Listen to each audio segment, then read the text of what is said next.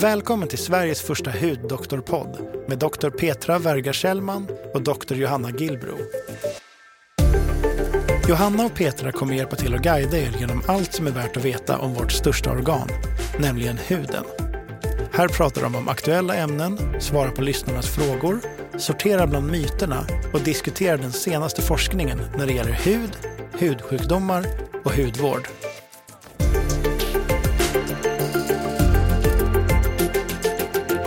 Dagens avsnitt handlar om vitiligo. Hej och välkomna tillbaks till vår podd Huddoktorerna. Vi har ju haft ett ganska långt sommaruppehåll här som sträckte sig en bit in på hösten. Men nu jäklar, nu blir det nystart. Ja, det blir det. Ja, men det, det är verkligen nystart för nu har vi också bytt eh, poddstudio till och med. Precis. Nu ska det bli ordning och reda. Ja, Vi ska försöka släppa ett avsnitt varannan vecka. Det är faktiskt vår ambition. ja det är det, kommer vi fixa. verkligen. Ja, men det kommer vi. Mm. Det, det känns så kul. Och det är alltid sådär lite, hur är du på hösten? För mig känns det som att, att det är en sån här nystart. Det är den stora nystartsperioden. Ja. Jag älskar hösten. Jag älskar hösten! Undrar vad man gör det när man kommer från Göteborg? Ja, jag, tror, nej, men jag tror faktiskt Ja. Alla gör... Eller, jag, jag, jag, för mig är hösten den absolut bästa månaden. Ja, men jag tycker också det. Jag är väldigt förtjust i hösten. Och Det blir lite mörkare och man får lov att kura inne och Ja. man får tända ljus och allting är, blir så lite ruggigt. Och det är mycket mindre krav. Våren är det så här, åh gud, då kommer solen och dels så ser man överallt hur, hur fult det är typ, och så smutsigt och dant och dammigt. Och, och, och sen så tyck, blir man lite, tycker jag, påtvingad ibland att man ska ut och ha, det ska vara, och måste man vara ute och uppe och gå ut för att det är soligt och dant. Ja, men det kan jag, också, jag kan också känna att det är mycket krav på, på våren, Ja. absolut. Och nu, nu kan man eh, tända levande ljus Ja, och, och så kura härligt. ihop sig. Ja, Ja. faktiskt. Men nu ställer vi nya krav på oss själva i alla fall här Ja. och eh, sätter igång här. Det, ja, men ja, det, det är ju faktiskt kul för att vi har ju haft jättemånga ändå eh, lyssnare och många som har mejlat och mejlat frågor och jag tycker vi eh, får jättetacksamma för all fin och positiv feedback vi har fått. Så att, Ja, eh, verkligen. Nu, nu kör vi på riktigt. Och där kan man ju säga att, att mejla jättegärna feedback eller frågor som ni har eh, till hudoktorerna gmail.com. För där, eh, det är väldigt bra så att vi också utvecklas. Vi är ju som sagt eh, rookies när det gäller podd. Vi har hållit på ett tag men, Ja. men vi behöver verkligen all feedback eh, vi kan få. Sen kommer vi inte svara på individuella frågor. Det hinns ju inte alltid med tyvärr. Ibland har man, men det, är ju, ja, det blir lite svårt att hinna med om det blir många faktiskt. Vi har ju som sagt, när vi pratar om det här, vår e-mailtråd, så har vi fått in en fråga Just det. om vitiligo. Så vi tänkte ju köra ett avsnitt om vitiligo. Precis. Och frågan är från en tjej som heter Linda som skriver Jag har vitiligo och jag upplever att det inte finns så mycket information eller hjälp inom sjukvården. Och jag vill ha tips och råd. Vad kan man göra? Vad behöver man göra för att det inte ska bli värre? Och eh, det här är Ja, en ganska vanlig fråga. Ja, men faktiskt. precis jag skulle säga.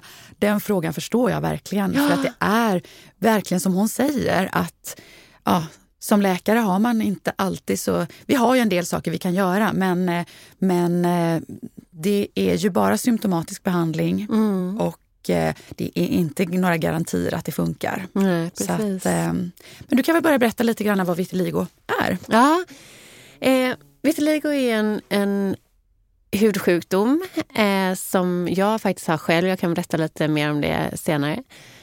Mm, för det var det som ledde in mig till att jobba med hud och, och faktiskt eh, jobba med hudforskning. Och, och det var egentligen vitiligo som jag doktorerade på. Just det. Eh, men om man bara eh, tar ett steg tillbaka, vad är vitiligo? Jo, då finns det tre olika former av vitiligo. Det är vitiligo vulgaris som är den absolut vanligaste formen. Och den eh, kännetecknas med att man får eh, fläckar på båda kroppshalvor egentligen och det är oftast väldigt symmetriskt. Så har du det på en armbåge så har du det på den andra, har du det på en hand så har du det på den andra handen. Väldigt klassiskt, just det. Mm. Väldigt, väldigt symmetriskt. Och det är absolut den vanligaste sorten. Sen finns det en som heter segmental vitiligo eller vitiligo universalis kallas den också. Och det kännetecknas eh, oftast med att man har vitiligo bara på en sida, en kroppshalva. Mm. Och sen den tredje formen är fokal vitiligo.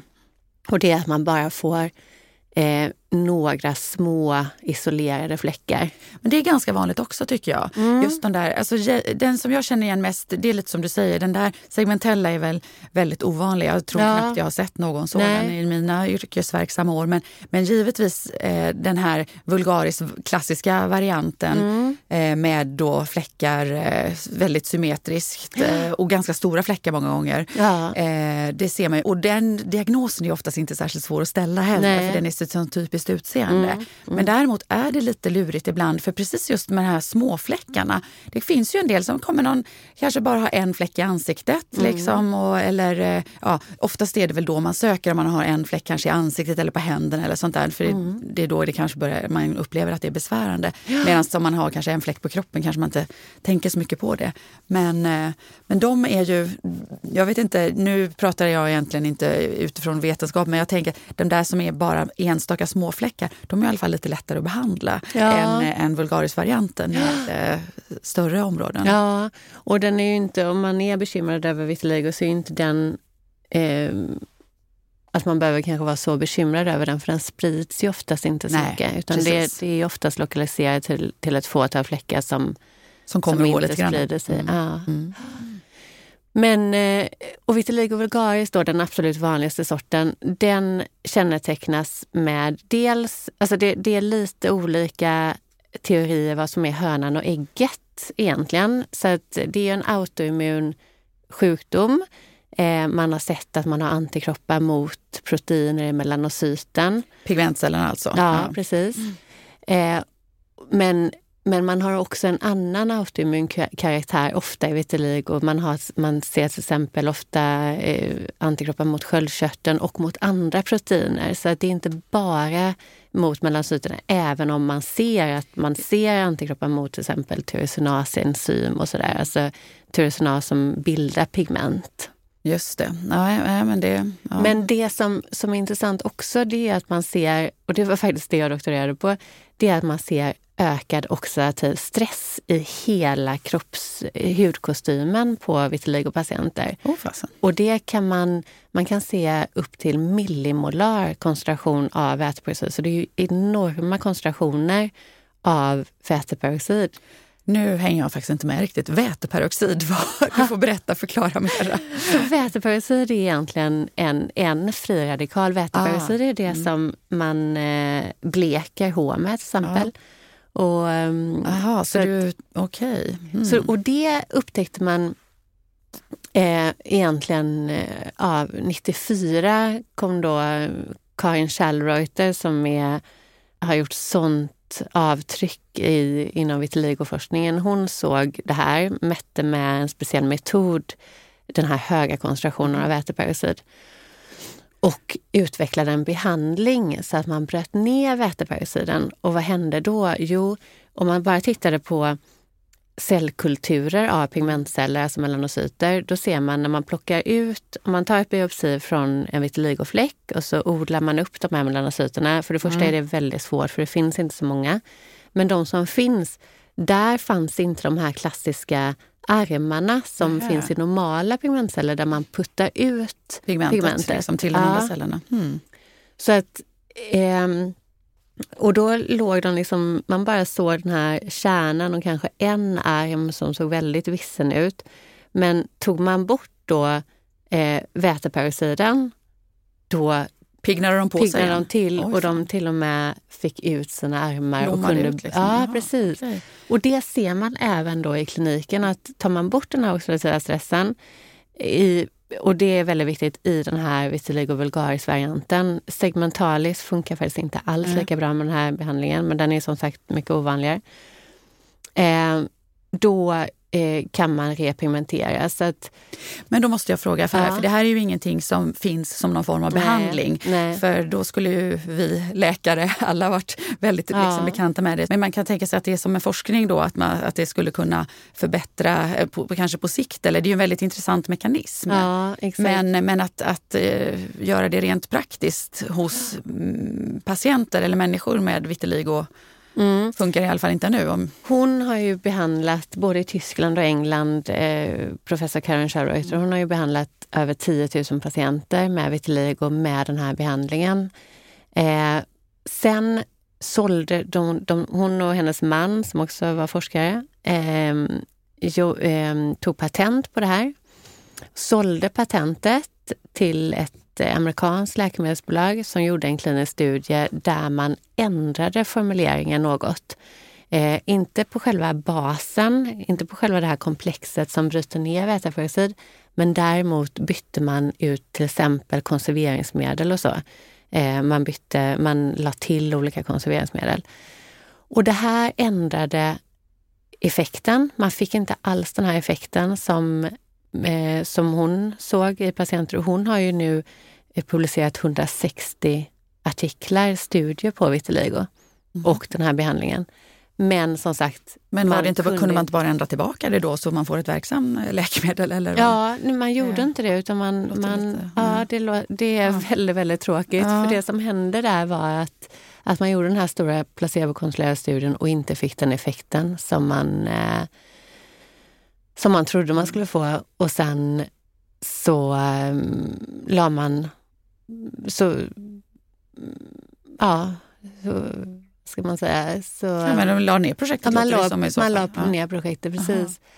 Och sen tyvärr så har nu också eh, på grund av hela pandemin och att, eh, också att eh, Karen Scherreuter är ju mm, över 80 år nu. Mm. Eh, så man har tyvärr lagt ner den här behandlingen. Men det här är ju någonting som vi som jag definitivt kommer jobba vidare med Mm, inom, mm.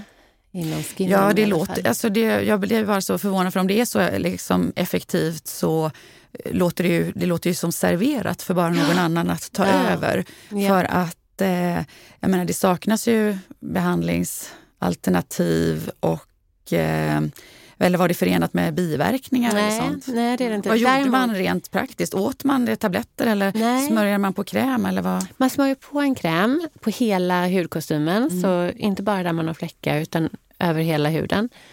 Och sen så eh, eh, har man UVB-terapi, alltså ett Ljusterapi, precis, ljusterapi, ja. Mm.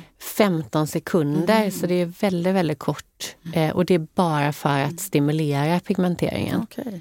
Så att, eh, och sen, men det man ska säga är att vad man ser är att första året ger ofta väldigt bra effekt. Så för mig till exempel, jag var ju 24 när jag började doktorera och också gjorde den här behandlingen. Och jag hade ju egentligen i halva ansiktet hade jag ju vitiligo. Ehm, till exempel och på knän och ehm, armbågar och, och sådär. Och första året fick jag en repigmentering på kanske 60 procent. Mm, mm. Så väldigt, väldigt bra och nästan allt i ansiktet eh, repigmenterades. Och även på knän och så. Men däremot efter det här året så är det precis som att eh, vi vet inte, det ska man säga, att vi vet inte varför det är så, men i alla fall så är det så att repigmenteringen stannar av. Mm. Okej. Ehm, Det är ju så med många av de här autoimmuna sjukdomarna att de lever ju lite grann sitt eget liv. Mm. Och det är väl också så att, eh, jag tänker, mm, alltså, svar på behandling, ibland, i och med att de ibland själva kommer och går, mm. eh, så är ja, så vissa av de där, det måste vara ganska eh, liksom, säkerställd statistisk skillnad på något sätt om man ska kunna säga att det har, för att en del prövar ju någonting och så kanske man ändå var i en förbättringsfas. Ja. Jag säger inte alls att det var så för dig, men jag tänker rent allmänt när vi resonerar. För när det gäller de här olika åkommorna som då inte har någon liksom bra behandling så, så tänker jag att det kan finnas, det finns ju många andra också eh, goda tips och, och, och liksom här så, att man, så att man ibland också får vara eh, ja, man, så, så länge det är ingenting farligt är det klart att man kan pröva. Jag tänker att man eh, ja, tar vissa saker med, med en, vissa resultat ibland också med en nypa salt. Mm. Att, inte, mm. att det kan vara så att man ändå är i en förbättringsfas. För även om du, alltså jag tänker på en del patienter som jag har, de kan ju ha så att det går upp och ner ut, även utan behandling. Mm. Att det kommer och går lite mm. granna. Och är man stressig fas så kan de känna, uppleva att eh, fläckarna nästan ljus, blir ljusare och sen så mm. kan de liksom återpigmenteras också spontant. Så att mm. allt är inte alltid heller behandlingseffekt, vilket ibland gör sådana här studier Mm. rätt svåra. Liksom. Det, men jag har men ska man sett så många ja. patienter så att, så att, eh, och det, det har varit liksom helt i korrelation till start av behandling. Och ja. jag, hade ju, jag fick ju vitiligo när jag var tre år och eh, testade, speciellt under tonåren, testade otroligt många olika typer av behandlingar. Dels UVB-terapi, ja. alltså ljusterapi själv utan någon som helst effekt. Dels kortison oh. hade man ju då. Mm. Sen eh, till och med transplantation oh, av eh, hudceller mm. från eh, non-lesional skin säger ja, man ju. Och det är ju där man inte har fläckar mm. och så mm. för man över de här melanocyterna. Det är en ganska stor eh, ja, procedur. Ah. Eh, och ingenting har fungerat. Så, för, så plus att tillsammans då med in vitro-data, att man ser hur melanocyterna mår när man tar bort väteparasiten ja. och också ex vivo-data när man kan titta på biopsier och göra immunhistokemi ja. och sådär. Så att, eh, plus att, att det finns ju 160 studier i olika typer av tidskrifter, bland annat Journal of Investigative Dermatology, Science, FASEB. Ja. Så det, är det bara och det ja. här är bara att driva vidare då helt ja, enkelt. Då får ja. du verkligen men det, det, ta tag i det här. Ja, men det, det ska vi eh, verkligen göra. Sen är det ju alltid så att, mm, ja, att läkemedelsbehandlingen, det är ju, det, är ju, eh, det tar ju väldigt lång tid att mm. utveckla ett läkemedel. Verkligen. Eh, och kostar och väldigt mycket. Ja, och i Tyskland så är det ju annorlunda. Det är ju därför hon har kunnat göra detta i privat regi egentligen. Ah, ja. Hon har ju liksom mm. kunnat ha den här behandlingen eh, och på extempore kan man ju säga egentligen. Det är ungefär ah, ja. samma som mm, mm. Ja, men spännande, intressant. Ja, nej, ja. Får vi hoppas att det, här, att det här går vidare. Men jag som ja. tycker fläckar är ju, de är ju fina. Måste vi behandla dem? ja, och det är så underbart att du säger så. Alltså det är så underbart, för det är exakt det här som jag de senaste åren har kommit till insikt med. Så för mig var det ju så här att jag doktorerade till och med på det här för att jag tyckte att det var så, så viktigt för mig att, att eh, återpigmentera huden. Ja. Men nu de senaste tio åren så dels så är det ju så där att vi lever i en värld där allt annorlunda och unikt liksom ska motarbetas. Man ska... Och Ja, vi har i alla fall varit väldigt mycket så. Det känns som att det lite mera finns plats för ja. varianter idag. Ja. Så att, eh, ja, jag ja. hoppas det. Men jag tänker till exempel på den här modellen. Ja. Hon, nu vet jag inte vad hon heter, men hon är jättevackra med de här eh, som vitiligo-fläckarna. Winnie Harlow. Ja, tack. Men eh, som också, alltså, så att det, det ibland, ja, ja, kanske går vi mot en värld där det blir mer och mer både coolt och acceptabelt och, och, och, och inte vara helt mainstream. Nej. Liksom. Att, um... Och det, det, det, tror jag verkligen också. Som, jag har träffat många patienter och också för min egen del att det har varit eh, personer som kommer fram och det är så fint. Det, det ser ut som en världskarta mm. och det är så unikt. Och, och många är, har jag upplev, upplever jag många patienter som kanske är unga, unga tjejer eller killar för den delen också, som tycker att det är svårt att att visa sin hud mm. och sådär när man kanske har en ny partner. Och, alltså där kan jag verkligen säga både, ja, nej men, när man pratar med patienter och hör deras stories så det har, jag kan nog säga att det, det är verkligen inte så att den...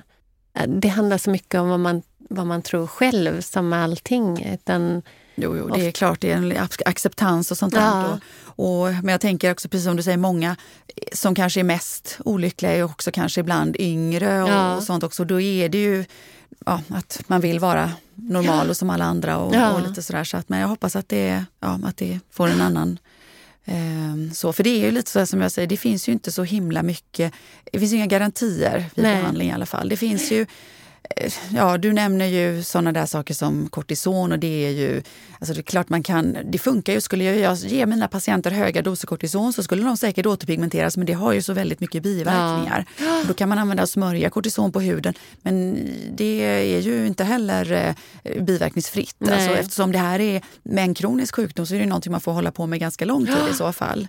Exakt. Vi är ju idag det här som heter Protopic mm. som du säkert kanske mm. också har prövat någon ja. gång. Då. Calcineurinhämmare som jag faktiskt ändå tycker funkar rätt så bra ja. på, flest, på ja. de flesta. Framför allt i alla fall, som vi pratade om lite grann med de här småfläckiga ja. vitiligon. Folk som har någon fläck i ansiktet, någon i nära, på läppen kanske, eller inte på men i anslutning till, eller liksom lite mer så, eller runt ögonen och, och sånt. Och händerna framför allt. Det, mm. de, där, där tycker jag faktiskt att ofta finns en, en, en god mm. återpigmentering. Mm. Och, att, och det är ju ett förhållandevis riskfritt behandlingsalternativ eftersom ja. egentligen inte har några större biverkningar. Men det är som sagt alla svarar inte på det. Och, mm. eh, så, så att, eh, nej, jag hoppas verkligen den där krämen som ja. du pratar om ja. faktiskt utvecklas. För den eh, låter... Eh, ja, det, det, i alla fall att det, och det är ju så här som med många sjukdomar att det, kan ju, det kanske inte passar alla det heller. Nej. Men för en del, ju fler olika behandlingsalternativ exakt, vi har. Exakt. För att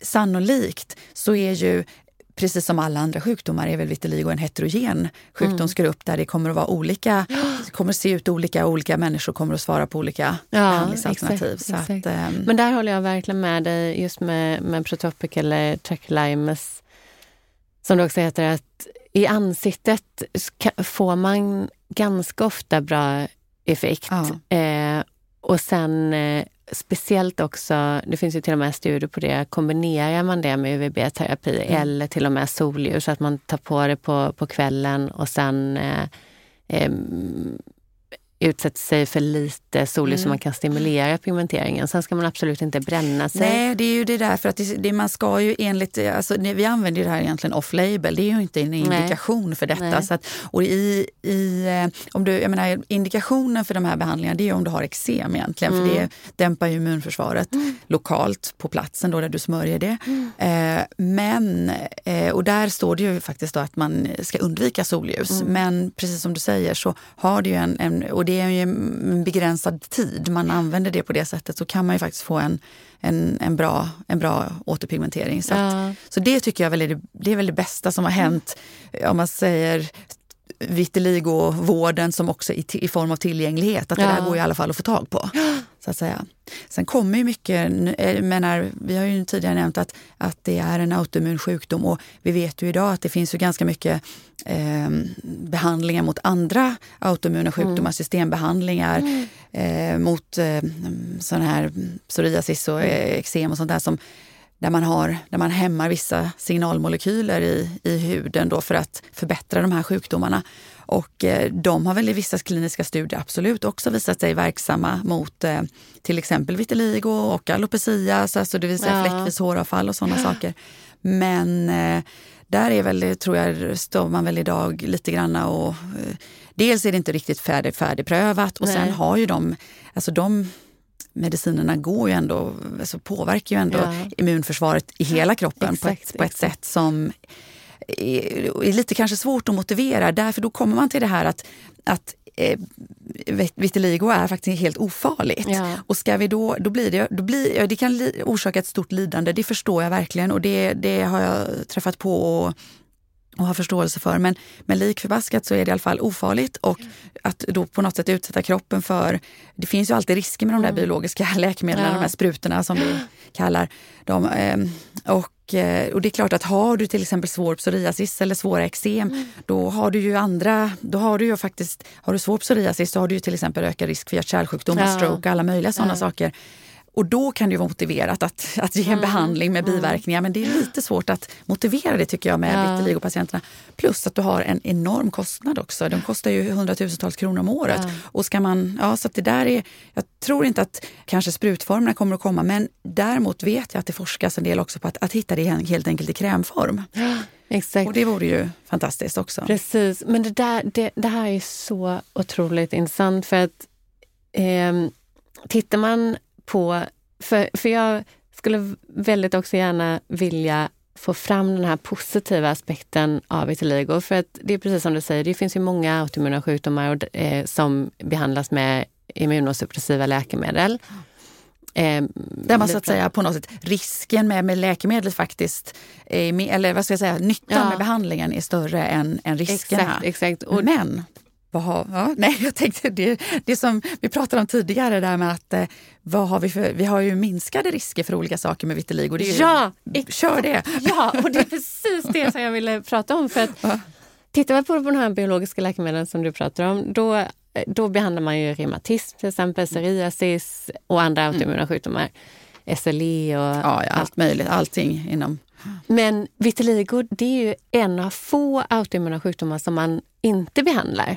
Just för att det inte finns läkemedel som är beprövade och precis som du säger att det är ju inte det är inte någonting som känns, det är inte någonting som kliar. Det enda är egentligen den kosmetiska aspekten av det.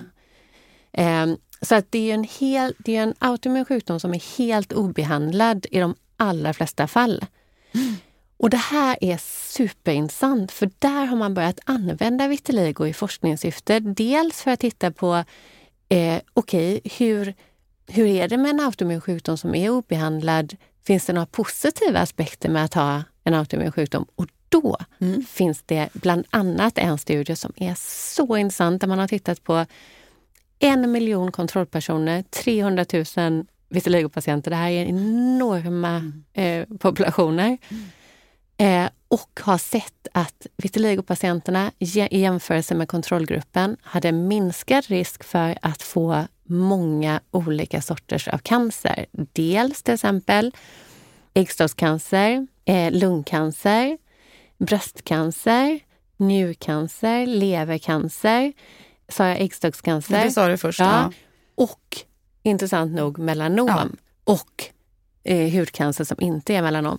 Och det här har man ju trott i alla år att vitiligopatienter ska skydda sig mot ja, solen exakt. för ja. att det finns ökad risk för ja. att få hudcancer. Nej, Nej så är exakt. det inte. Nej, men det är rätt kul. Just det. Alla de andra kände jag faktiskt inte riktigt till. Mm. Men, men eh, det är ju än, ännu mer spännande. Men precis som du säger, att många patienter med eh, vitiligo har ju precis fått säga att du ska skydda fläckarna och de är vita och du pigmenterar inte. Men man har absolut inte sett någon ökning utan Nej. tvärtom är att, att eh, eh, vitiligopatienter har alltså mindre malignt melanom än vad eh, normala eller liksom icke de, de som ja. inte har vitiligo har. Ja. Och det, är, det är säkert för att immun, ja. ja. och det är säkert för att immunförsvaret då hela tiden är lite, lite triggat. Mm. Eh, och det är ju den typen av behandlingar man, man behandlar många cancerterapier med, eller cancerformer former med. Alltså att försöka öka immunförsvaret så att immun, det egna immunförsvaret slår ut cancercellerna. Precis. Eh, och det här har vi ju mm. helt mm. naturligt. Mm. Och sen vill jag också, den andra positiva aspekten, eller ja, en, en intressant koppling i alla fall, det är ju det här med att det här Många, många patient, vitiligopatienter tycker att det är svårt till exempel att vara i ett disco där det är det här blåa ljuset ah, för då ah. lyser fläckarna upp. Just det. Och då syns de väldigt mycket. Och det vet jag själv när jag var i tonåring att jag, jag undvek verkligen det här att eh, jag vill inte stå nära de här lamporna för att eh, det, det lös upp. Och de här, vad, vad, det är som lyser upp, det är ämnen som fluorescerar. alltså som, som eh, löser upp i blått, i blått ja. vitt kan man säga. Och det är samma ämnen som finns i fjärilsvingar i vissa typer, du vet, du vet de här blåa fjärilarna som har vita fläckar. Mm, ja, men, jag, så, mm, fjäril, jag känner till citronfjärilar. Men, ja, sorry. ja, men där, eh, och, och de här fjärilarna de, de använder de här ämnena för att locka till sig eh, sin partner. Oj då, ja. kanske var det du kunde gjort på dansgolvet istället. Då. man vet inte, man vet inte. Ja. Men, eh, men det här är också intressant, så att just det här att, att inte... Jag tror verkligen på det här att inte motarbeta och inte skapa lidande i onödan. För att eh, för man kan också se det som någonting positivt och någonting som är fint och som sagt, det har inga andra eh, negativa effekter vad man vet i alla fall. Jag håller verkligen helt och hållet med dig. Jo men det är verkligen Sen får man ändå alltid ibland känna jag har vissa respekt för dem som ändå känner sig olyckliga för Ja. det. Absolut. Men, eh, och, och försöka med behandla. Men, men skulle man, eh, ja, man skulle önska att, eh, att, att, att det blev mer, att, ja, att folk var, var lite modigare kanske Ja. och så vidare. Men det, Och jag kan, och som sagt, jag kan verkligen, verkligen förstå det. Speciellt när man är ung. Och jag som sagt eh, läste ju som 17-åring liksom all litteratur som fanns om vitiligo.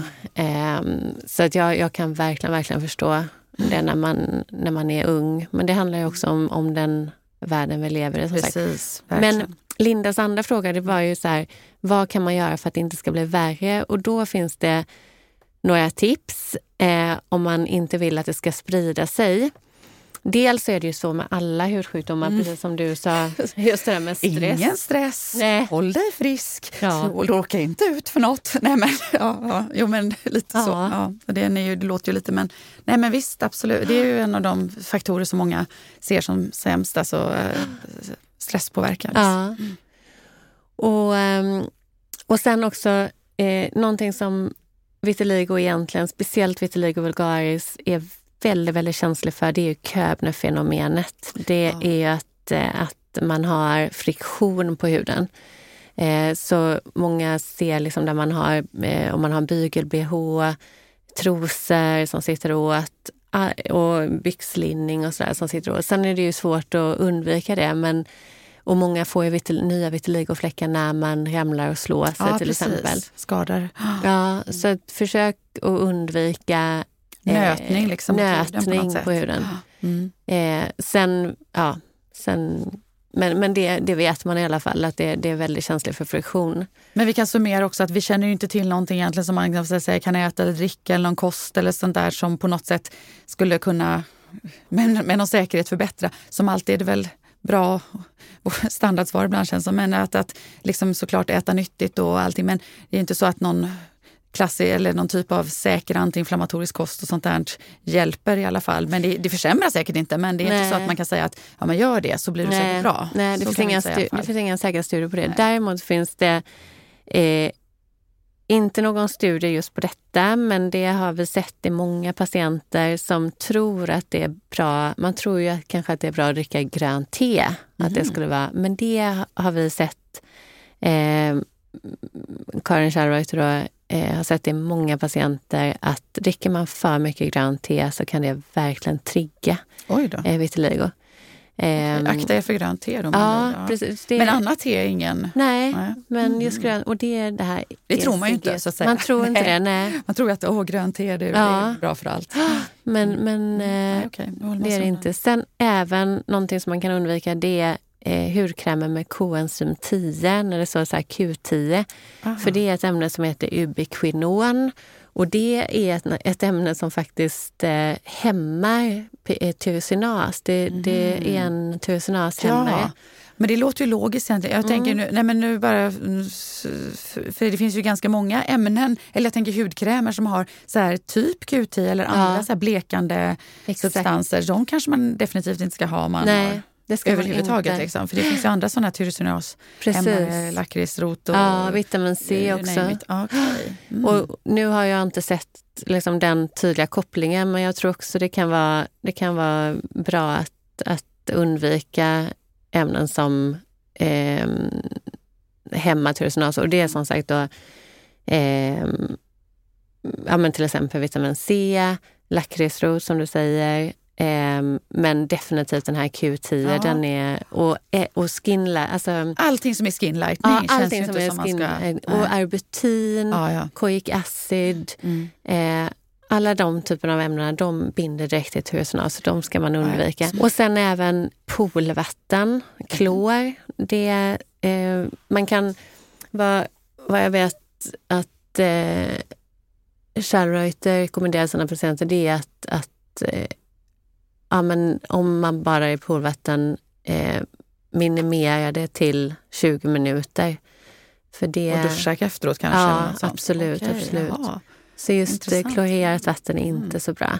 Och sen någonting annat som är intressant som också finns, finns en, en studie och en publikation på. Det, och det är också någonting liknande grönt te som man tror är väldigt bra. eh, och det är ju gurkmeja eller turmeric. Ja, ja. Och där har man sett, dels eh, eh, har man sett i in vitro att, ehm, att eh, det verkligen påverkar melanocyterna direkt. Mm. Det här kurkumin som är ämnet i, i gurkmeja, kurkumin. Eh, men sen eh, ser man i många indiska patienter eh, från, från Indien och från Asien där man äter mycket gurkmeja i mat, att det verkligen kan trigga vitiligo. Och där ser man faktiskt, sen, sen vet vi inte om det beror på att fler uppsöker läkare som har vitiligo i de här länderna, men man ser ändå en prevalens upp till 4 procent. Oj, oj, oj. Så att, och om det har med att man äter mycket turmeric, eh, gurkmeja Eh, okej. eller inte, det vet man Nej. inte. Men det är i alla fall någonting som, som kan vara bra att känna till att, och också att undvika. Mm. Ehm, Det var mycket matnyttig information. ja. så att, ehm, och sen när man tänker på hudvård då, eh, det är ju att välja hudvård som är så minimalistisk som möjligt och inte, använd, inte mm, ha för mycket aktiva substanser och sådär utan verkligen så. Nej, det låter kanske som att man ska liksom inte påverka de där pigmentcellerna hur mycket som helst om de är lite liksom sköra på något sätt. Mm. Mm. Exakt. Spännande.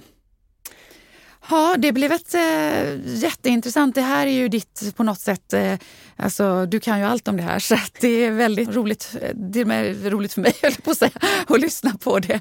Men du kan om forskning och allting så att eh, ja. Ja, men det här är ju faktiskt, det, åh vad kul att du säger det, men, men det här har ju alltid varit sedan jag var Jag förstår det. eh, 24 när jag startade min eh, doktorandtjänst. Ah. Att det är lite min baby på något Mm, sätt, det här eh, vitiligo-projekt. Mm. Vi kanske kommer återkomma helt enkelt Ja. med nya program om det här. Jag tror det. tror Och, det, ja. och pre- speciellt mejla in gärna om ni har frågor eller någonting annat. För nu har vi ju, jag skulle säga att vi har tagit lite toppen på isberget. Det finns ju hur mycket som helst att prata om när det, när det kommer till vitiligo tycker jag. För det, jag tänkte så här, jag bara ja, jag vet inte om jag har så hemskt mycket mer. men, eh, men jag förstår. Men vi Ja. kan säga också att det är ganska vanligt, så 0,5 till 2 procent av befolkningen har faktiskt vitiligo. Ja. Sen ser man det ju inte alltid, speciellt inte här när man är ljushyad och så, men man ser det ofta mer på sommaren när... Mm. Man blir när pigmenterad i övrigt. Ja. exakt. Ja. Bra, spännande. Ja, men då tycker jag vi, ja, då, då avrundar vi helt enkelt för idag. Tack Johanna för att jag har fått lära mig och tack alla som har lyssnat. Och, ja, Och tack Petra för, för att vi har haft så härligt samtal. Och jag lär mig hela tiden av dig med möjligt? hun, hundra olika saker. Superspännande, jättekul att vi är i den här nya studion som är helt isolerad. Det känns som att Ja. vi är sånt där, vad heter sånt där sa- safety room. Ja, just det. Helt underbart. Jag skulle kunna Ja. bo här. Ja, jag med. Ska vi flytta in och lägga så här madrasser på golvet? Precis. Ja, men ha en jättefin dag. Yes. Så ses vi nästa, nästa vecka. Det gör vi. Hej, hej!